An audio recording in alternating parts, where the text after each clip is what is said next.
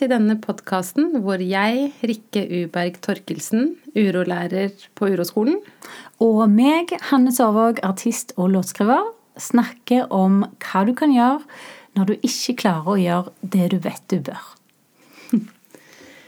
I dag skal vi snakke om noe som vi på urospråket, hvis vi kan kalle det da heter strategier. Og strategier, det er noe vi gjerne faller inn i, helt ubevisst, når vi er urolige. Um, sånn at antageligvis så har vi veldig mange forskjellige strategier hver eneste dag. Uh, noen som er kanskje mer plagsomme, og andre som vi lever veldig godt med. Det vil også være noen som lever godt med alle sine strategier, og noen sånn som vi, og kanskje du som hører på, synes at uh, ikke det er så godt lenger. Um, så et forslag, eller ikke et forslag, men en um, ja, for, ja, vi sier et forslag, i mangel på et bedre ord, er f.eks. jeg. Uh, når jeg er urolig, hvis jeg er hjemme, jeg har kanskje barn som er slitne, så tror jeg at det er veldig viktig at jeg rydder. Så det er en strategi, og jeg rydder. Og når barnet mitt sier 'mamma, vil du leke?' så sier jeg nei, jeg kan ikke leke nå, for jeg må rydde. Så det er typisk en strategi. Det er noe som virker veldig viktig, og det er noe jeg må gjøre. Ehm, så det er veldig fint å utforske det temaet, fordi at kanskje vi kan inspirere deg også til å se nærmere på ditt liv, og kanskje du også har noen strategier du faller inn i. Har du noen strategier, Hanne? Jeg har mange strategier. Jeg føler at i perioder i mitt liv så har jeg bare blitt piska rundt av alle mine strategier. Og sånn der ute da, blant folk så er det noen strategier som blir sett på som gode, og noen som dårlige. Og da skammer en seg gjerne hvis en tyr til de som er dårlige. For det er jo dette f.eks. med å holde seg sunn og eh, trene, spise sunt, alt dette blir jo ofte sett på som en, noe bra. At andre beundrer en hvis en liksom klarer å holde kontroll på det og se godt ut og være trent og sunn og mm. holde seg til et visst eh, kostholdsprogram og sånne ting. Um, så da er det liksom greit hvis en faller inn i de. Men sånn som blir sett på som litt mer uh, uheldige, er jo kanskje misbruk av liksom alkohol eller narkotika eller sånn. Ehm, det er kanskje bare å gi helt opp og bare spise ostepop foran TV-en. Ehm, så egentlig det der å bare se på litt, se på strategiene uten å dømme de så veldig, som om de er rett eller feil, da blir det jo litt mer interessant med en gang. Mm, ja. Du sa et ord i stad. Du sa kontroll. Og kanskje det er sånn det er, da, at eh, strategiene våre er et forsøk på å beholde kontrollen i livet. Ja. Fordi at um, livet er jo egentlig helt vilt, og det er helt ukontrollerbart. Men hvis jeg bare rydder, så er det i hvert fall noe jeg har kontroll på. Det tror jeg òg. At vi begynner å prøve å kontrollere ting. Og da kan vi kanskje begynne med oss sjøl. Sånn Ja, men jeg kan iallfall ha kontroll på hvordan kroppen min ser ut. Mm. Selv om det har vist seg at de aller fleste har mye som er utenfor sin kontroll. Hva gjelder det òg, da? Samme hvor mye en Hva for noen program en velger å holde seg til, så viser det seg at det er en del ting som er utenfor en kontroll på det òg. Um, Iallfall over tid, da. Kanskje kan vi kontrollere noe over kortere tid. Mm. Eller jeg kan iallfall kontrollere at det er helt nyoppust i huset ja, mitt ja. til enhver tid. Mm. At er, jeg har alltid det, det nyeste av klær på meg. Det er en måte å i alle fall ha kontroll på noe. Når kanskje større og vanskeligere og mer omveltende ting skjer i livet med at eh, forhold tar slutt, eh, en, noen dør eh, Du kan miste jobben, så mye av identiteten hører til. Sånne store ting. Så kan det bli at en tar i bruk strategier for å føle at han har kontroll på noe, iallfall. Hva er dine strategier, da? Jeg har mange, altså. Men jeg har jo eh, hvis jeg er urolig og sitter hjemme, så får det meg alltid til å reise meg og begynne å gjøre et eller annet. ja. Og det er ofte kanskje Jeg må få gått meg en tur. Fordi jeg vet at å gå meg en tur ofte får meg til å føle meg bedre. Eh, Og det er jo fint å gå tur. Eh, Jeg går ofte i naturen. Bare det gjør godt. Det er lys, friske luft. Og bare det å få godt Kanskje hører jeg på litt musikk eller en bra podkast. Så blir jeg liksom litt lettere til sinns av det. Men i det siste så ser jeg jo på det òg som en Av og til så haster jeg av gårde på den turen og, og pløyer meg gjennom en eller annen skog for at jeg skal liksom Ja, hva er det egentlig jeg rømmer fra, da? Så en kan se på det. Det er sunt og godt å få kommet seg ut og gått en tur, men er det egentlig så sunt og godt hvis jeg egentlig bare prøver å rømme fra mitt eget sinn? Da kan det jo hende at det hadde vært sunnere og bedre for meg å sette meg ned og prøve å kjenne litt innover og finne ut hva som egentlig foregår på innsida.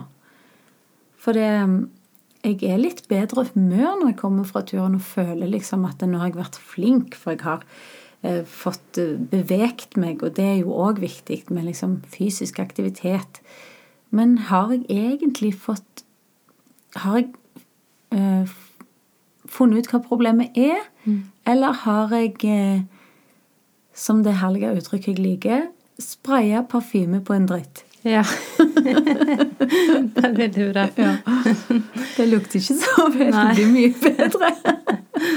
Tvert imot.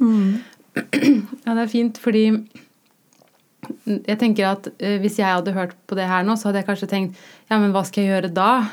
Jeg kan ikke gå tur, og jeg kan ikke sitte på sofaen. Og...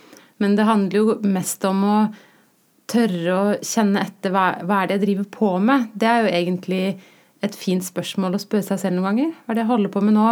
Ja, Og så kan det jo hende at en kan sitte litt med uroen og prøve å finne ut av hvorfor ble jeg så urolig nå at jeg har lyst til å sprette opp og hive på meg treningsklær og for all del komme meg ut. Um, er det gamle greier med at vi fikk høre det når vi uh, vokste opp, at det var liksom fikk ikke sitte inne, måtte bare komme oss ut hele tida?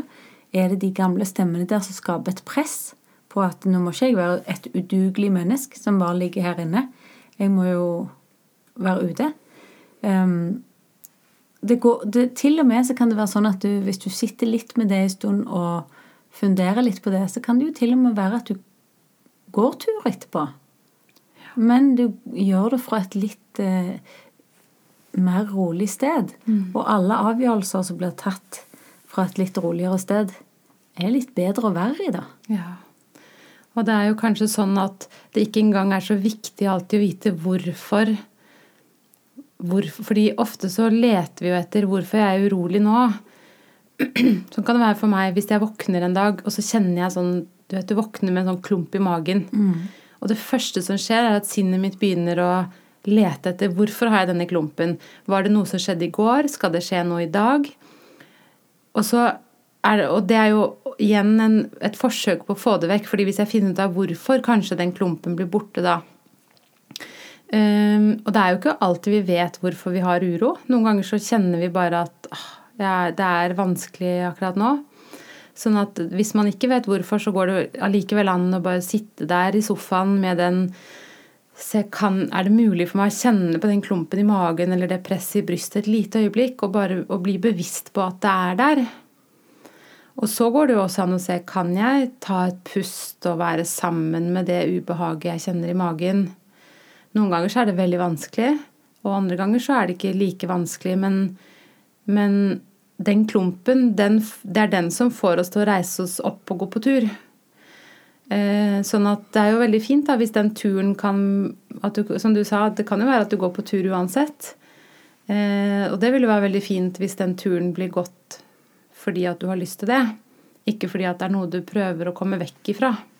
Ja, det er det som er hvor eh, Utgangspunktet for den turen er egentlig ganske viktig. Um, og at ikke en bare rusher videre. Jeg, så jeg har jo hatt mye sånn strategier i forhold til trening og fysisk aktivitet.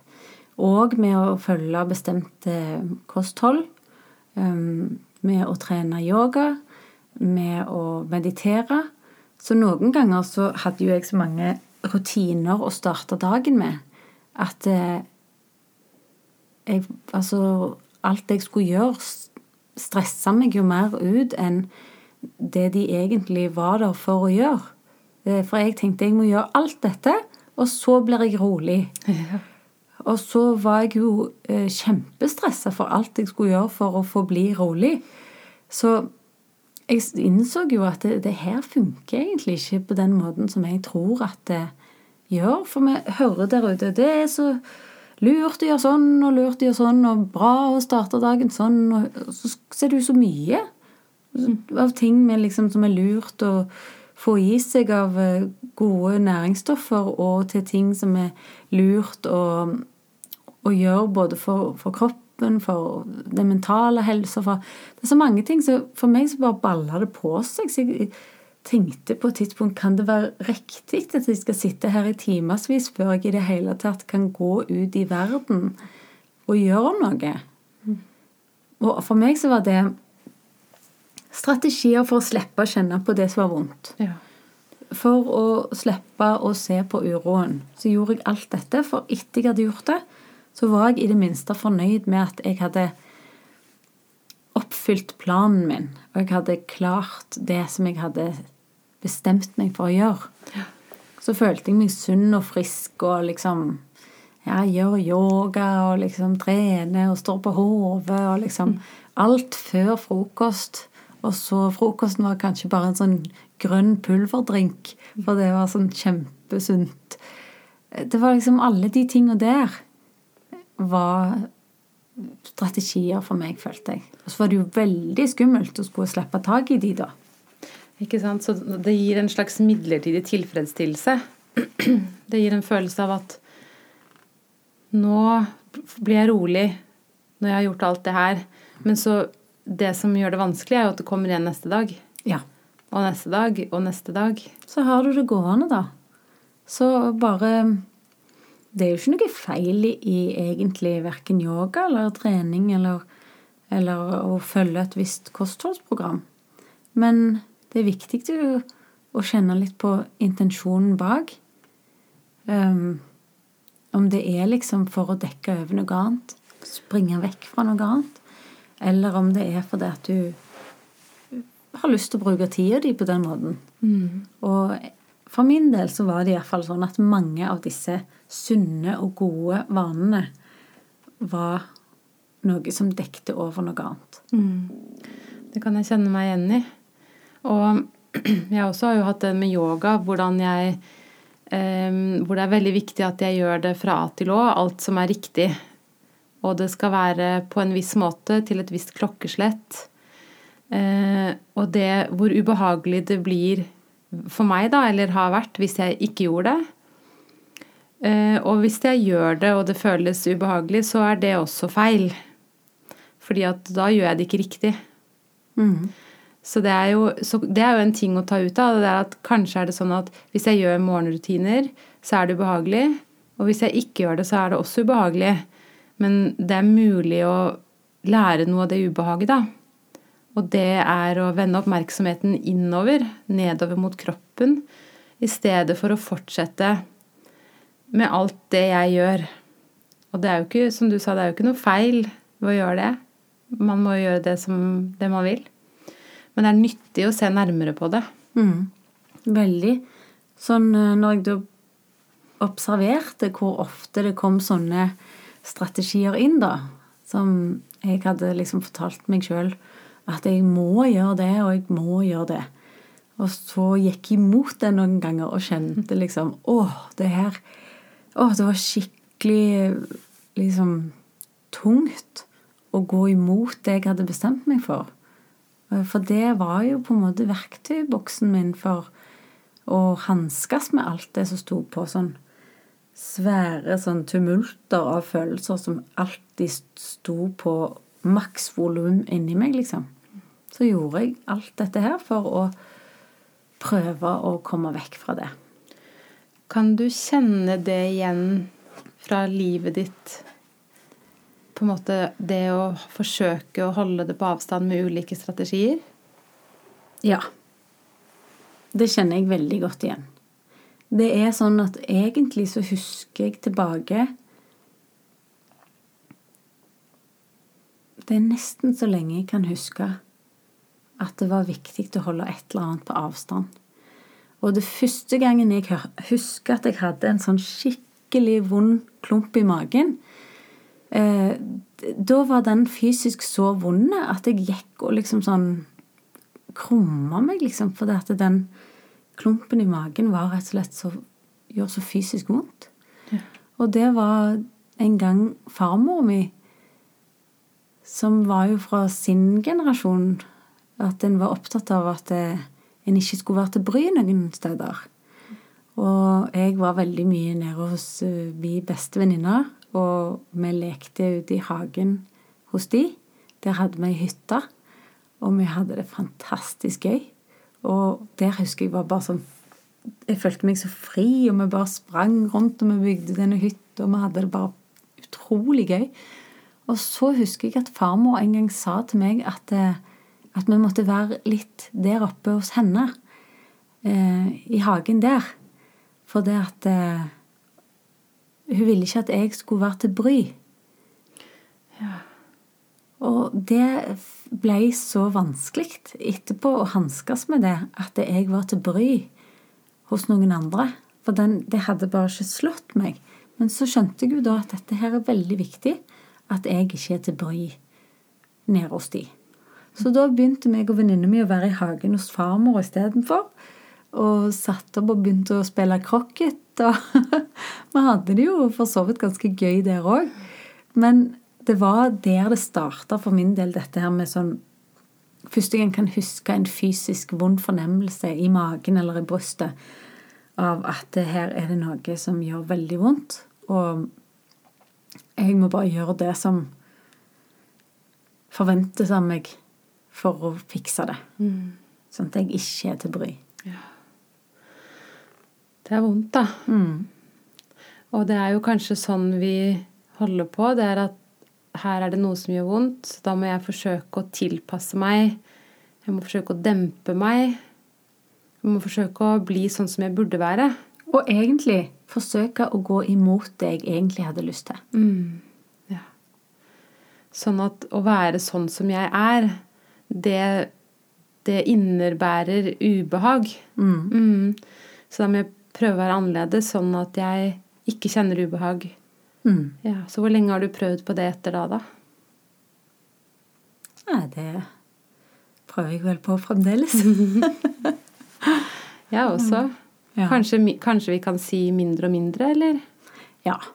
Jeg har jo um, i alle fall dette veldig oppe til vurdering nå. Så det er mindre. Og, men det er ingen tvil om at jeg har prøvd å ikke være til bry og gjøre til lags. Fordi det er tungt å bære å være en som eh, lager ubehag for andre. Eller en som tar mye plass, så de andre ikke får nok plass. Eller eh, at de får det dumt mens du har det kjekt. Altså alle disse tankegangene her eh, jeg fulgte med liksom fra den gangen. Ja. Sånn at um, hvis du bare prøver å være sånn som du burde være, så blir det bra for alle. Mm. Ja. Passer på at det At liksom Hvordan har de andre det nå? Er det ubehagelig for de, eller Det er jo strategier i forhold til at det var vondt for meg å kjenne på både at jeg kunne være til bry nede hos, eh, hjemme hos venninna mi og familien hennes, og at farmor så på meg som eh, noen som kunne vært til bry. Ja. Og ikke bare som jeg syns eh, jeg var vel bare til glede. ja. Så hvordan er det å være deg når du er til bry? Um, nei, jeg har jo problemer med det, altså. Når jeg føler Jeg har problemer med å føle at jeg er til bry. Sånn nå, f.eks. når jeg har litt spesielle ønsker fordi jeg foretrekker å spise veganske mat, så føler jeg meg til bry hver gang jeg skal på spillejobb. og hver gang jeg skal bort i middag hos noen. Og det er en følelse jeg liker veldig dårlig. Ja. Så der unngår jeg mye for å slippe å kjenne på den følelsen. Så da kan jo vi si at den virkeligheten du har, er helt perfekt for deg. Ja. Så det er helt perfekt at du foretrekker å spise vegansk mat, fordi at da kommer du i kontakt med den uroen som oppstår når du ber om noe, eller når du i- gåseøynene er til bry. Ja. Så kanskje det er noe du kan øve på, da? Ja, jeg tror det. Og jeg, jeg får ofte anledning til å øve meg på det. Sånn at neste gang du blir bedt på middag til noen, istedenfor å si 'jeg tar med mat', jeg, så kan du si 'ja, jeg kommer, og jeg vil veldig gjerne ha vegansk mat'. Ja, altså jeg kjenner bare det vrenger seg i meg hvis jeg skulle sagt til noen sånn Jeg kommer på middag. Én stykke vegansk middag, takk. Altså det er bare sånn Åh, det er så vanskelig for meg, for jeg tenker Hvordan skal de klare det hvis ikke de kjenner til vegansk mat? Og jeg har jo mange ingredienser og triks for å lage god vegansk mat. Så det er jo veldig viktig at jeg får tatt med det, eller fortalt de det, eller sånn at det blir litt lettere for de å lage vegansk mat til meg. Jeg tror det er best at jeg bare lager den hjemme, tar den med, eller så sier jeg bare at jeg ikke kan. Ja. Så det er best at du ikke er til bry. Ja, Ja. Det er det, det, er det beste. det er det beste. Og så kan jo vi da si at um, det er helt perfekt for dem at du ber om å få spesiell uh, oppvartning. For da kan jo de komme i kontakt med uro i seg selv, de også. Ja. Så kan de få ta ansvar for den uroen. Og det, det kan jo være forskjellige ting. Det kan jo være at de sier Vet du hva, jeg er ikke komfortabel med å lage vegansk mat, så det kan jeg ikke. Det ville jo du synes var ok. Eller at de sier å, ja, men det skal jeg gjøre. Eh, Har du noen tips til hva jeg kan lage, eller Hadde noen sagt det til meg, så hadde jeg blitt veldig glad. Jeg elsker å få en sånn utfordring. ja. Sånn at det finnes jo en mulighet for at ikke alle ser på deg som at du er til bry. Ja. Det er jo en mulighet for det. Det er bare det at det jeg har blitt aller mest redd for, er liksom det å være til bry. Så det er den følelsen det setter i gang hos meg, da. Sånn at det er, vel, det er helt perfekt at du får muligheten til å øve på å være sammen med den følelsen. Sånn at neste gang det kommer en middagsinvitasjon, så kan du stoppe opp og kjenne litt i kroppen din. Ok, her kommer det, ikke sant. Nå vet du, du vet akkurat hva som kommer til å skje. da. Nå blir jeg bedt på middag. Det er drama rundt det der med at jeg er veganer eller foretrekker vegansk mat. eller Sånn at det er, det er en perfekt mulighet til å øve, da. Det er jo det. Og uansett hvordan du øver, så kan vi jo si at neste gang du får en invitasjon, så kan du i hvert fall begynne med å kjenne etter. Ja.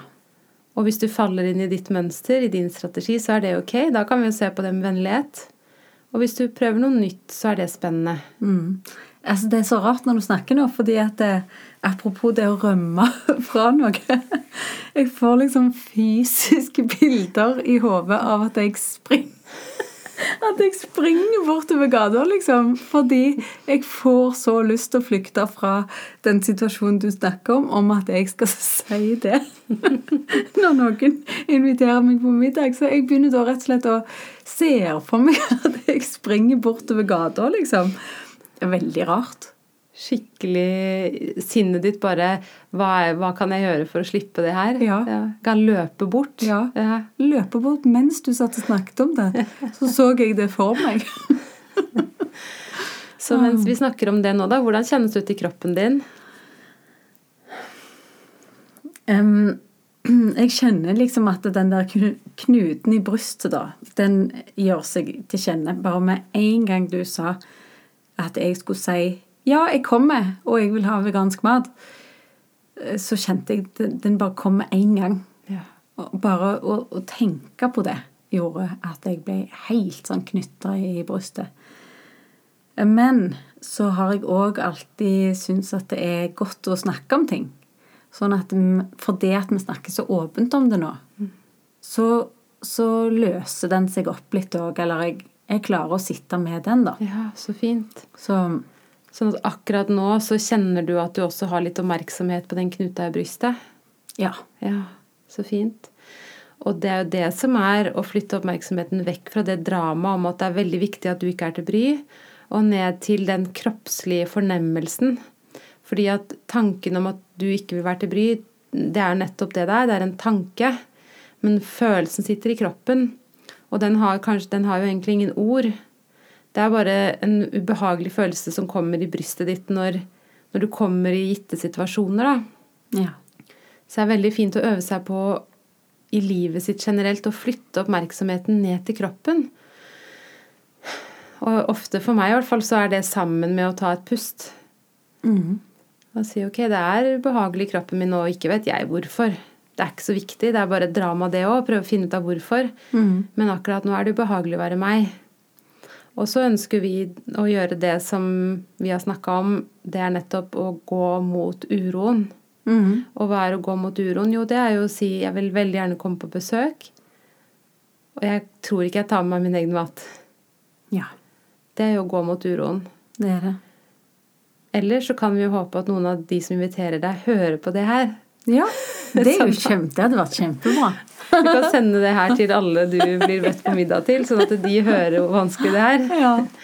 Men det som eh, du, det som jeg og deg har snakket mye om, da, er jo det som du sier Og så blir vi her, da. Altså, OK, det er vanskelig. Det her er vondt å si til den som kommer med en hyggelig invitasjon, for jeg syns det er vondt å være til bry. Og så uten å prøve å fikse det, men bare tenke at det er et sånn Det er mine greier. Men jeg sier det likevel, og så blir vi her. Vi trenger ikke å prøve å løse det, nei. Nei. At det kan få lov til å være sånn. Ja. Ja. Så kanskje er det vondt for meg hver gang jeg skal si sånne ting.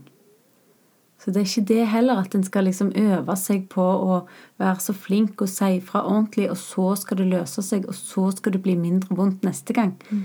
Det kan jo hende at det er vondt hver gang, ja.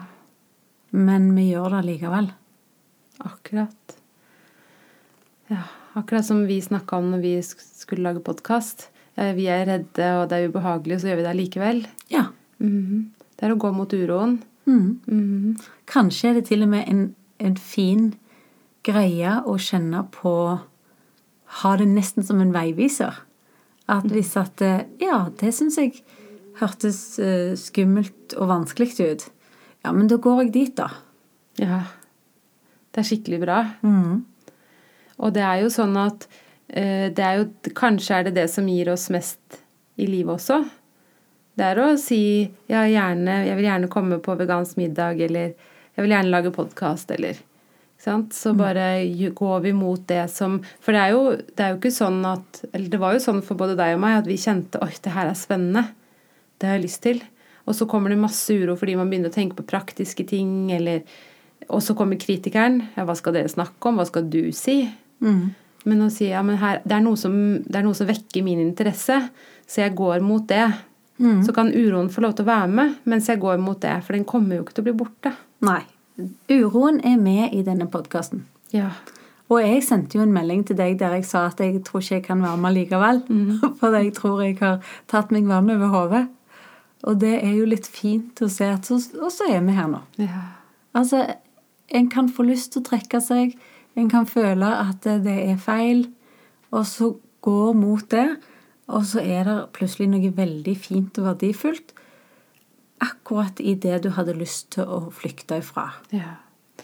Sånn at akkurat når du sendte den meldingen til meg da, var du rolig eller urolig da? Veldig urolig. Ja.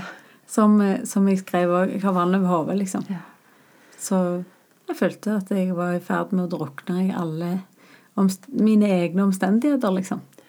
Og det er akkurat sånn uroen virker, og det er sånn vi faller inn i våre strategier. Det er at nå, blir det, nå er det mye her, nå er det uro her. Jeg må, jeg må bare gjøre noe. Og det kan jo da være å avslutte en podkast, eller det kan være å slutte jobben, gå fra mannen, eller gå fra kona, eller Ja. Det, det er Uroen sier det er veldig viktig at du gjør noe nå. Ja. Så at da har jeg lyst til å utfordre det og si, si at når du tror du må gjøre noe, da er det fint å stoppe. Ja. Ok, hva Nå tror jeg at det er veldig viktig at jeg gjør noe, så da stopper vi, og så blir vi her litt med det. Og det, det gjorde jo du, og det gjorde jo jeg. Jeg også stoppa jo opp med den uroen det ga meg. Og så sitter vi her nå, da. Ja. Det er skikkelig fint. Det er veldig fint. Mhm. Sånn at disse strategiene, de viser seg jo i alle deler av livet. Og noen er vi komfortable med, og andre ikke.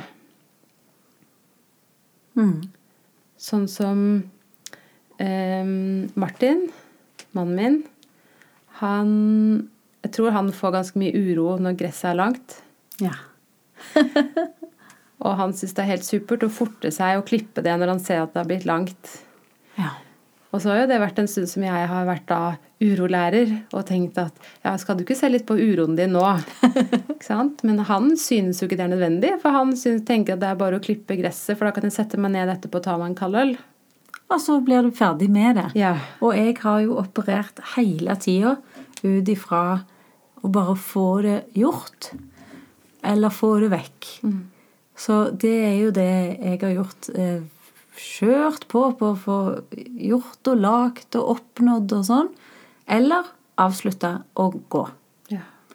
Så det, det, jeg har jo hatt svært lite med det der å bare kjenne på det som er vanskelig. Kjenne på det som er vondt. Ikke gjøre noe der og da. Enten gå enda hardere inn i det, tvinge gjennom ting, eller avslutte og bare gå. Men bare stå i det som det er, da. Stå i ambivalensen med å gjøre et valg, f.eks. Stå i at du ikke vet. Ja, akkurat nå så vet jeg ikke hva jeg skal gjøre. Og det er vanskelig. Det er kjempevanskelig. Og det krever jo Det krever vilje til å se på sitt eget liv og sine egne greier. Det derre å tørre å stå i noe, da.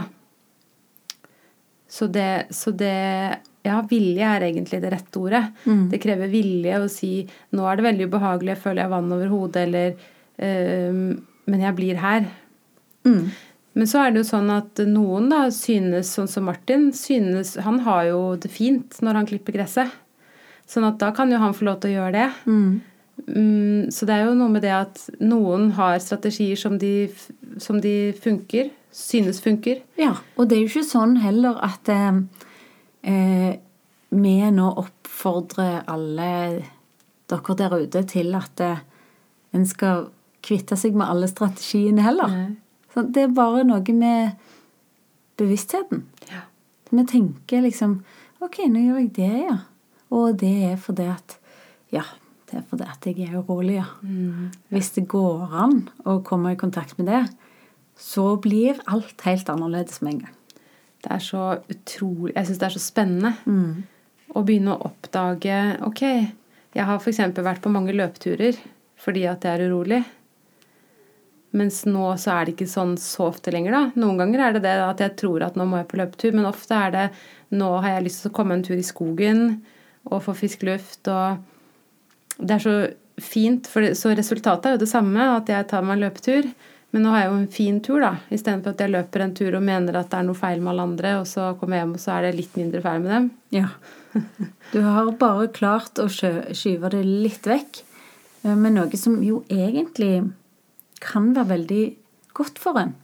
Men hvis du gjør det for å bøte på noe annet som hadde hatt godt av litt oppmerksomhet, så får du ikke samme utbytte heller av den løpeturen. Nettopp. Så det handler om å være villig til å se på seg selv og til å se på hva er det jeg driver på med. Og kanskje i veldig stor grad handler det om å, å stoppe opp og kjenne etter et lite øyeblikk. Fordi at hvor ofte er det egentlig vi gjør det? Ja. For vi er jo så opptatt med å rydde og vaske og løpe og spise og drikke og ja. Ja, jeg kjenner bare hvis jeg klarer å spørre meg sjøl sånn Hvordan er det i kroppen nå? Før jeg skal gjøre noe, så blir det jeg skal gjøre, helt annerledes. ja. Så fint. For det òg, tror jeg, liksom å gå på scenen sånn og få oppmerksomhet og bekreftelse, er en måte å rømme fra noe, det òg. Og der har jeg òg fått noe som jeg har lyst til å få igjen. Men hvis jeg stopper opp og kjenner hvordan det er i kroppen før jeg går på, så er jeg eh, i det på en litt annen måte. Så det er jo det er en fin oppfordring, da, til deg som hører på, det er er det mulig For det er jo sånn at hvis vi ikke husker på det, så er vi jo hjelpeløse. Så det er jo helt frem til vi på en eller annen måte husker Å ja, det var det der, ja. Jeg skulle kjenne etter i kroppen. Så hvis du som hører på, er villig til det, da, kanskje akkurat nå, bare kjenne etter hvordan er det hvordan er det i brystet mitt, hvordan er det i magen min akkurat nå, så er det et fint sted å begynne. Og så se om det er mulig for deg å kjenne etter flere ganger i dag eller i morgen eller Det er en fin ting å begynne på. Kan begynne i det små. Ja. Vi begynner her. Vi begynner her. Ja, Begynner der en er. ja. Så kanskje vi da begynner med å slutte Ja, denne podkasten for i dag. det gjør vi. Takk for nå. Takk for i dag. Ha det.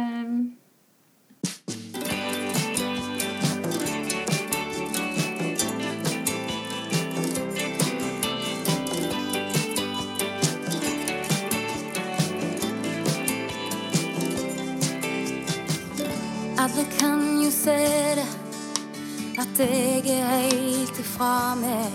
Men hvem tror jeg at jeg er, så tror at du vil ha meg? Noe kviskrer meg i øret når noe står på spill. Og spør meg hva som gjør at jeg er god nok for deg.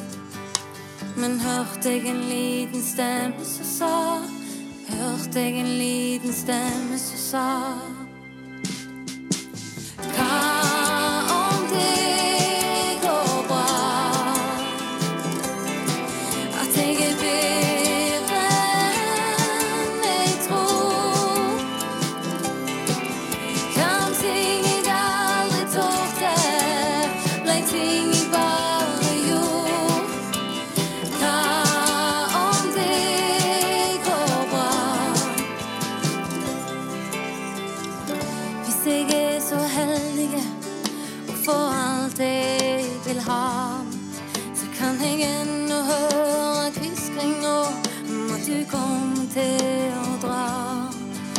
Han som sitter der og kvisker og prøver å dra meg ned. Skal jeg prøve å bli kvitt han? Jeg tror jeg lar han være.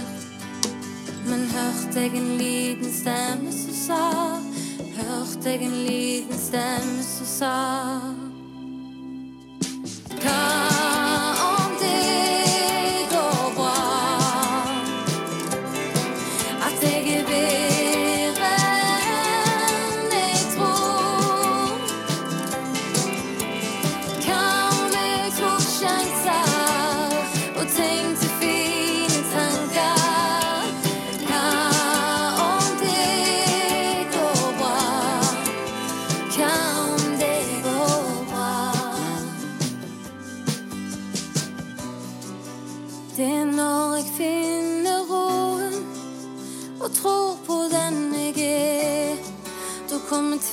tvilen og tar troen og spør om jeg fortjener det. Tvilen pirker i det skjøre, og der det gjør mest vondt. Alt som er tungt å bygge opp, men så lett å rive sånn.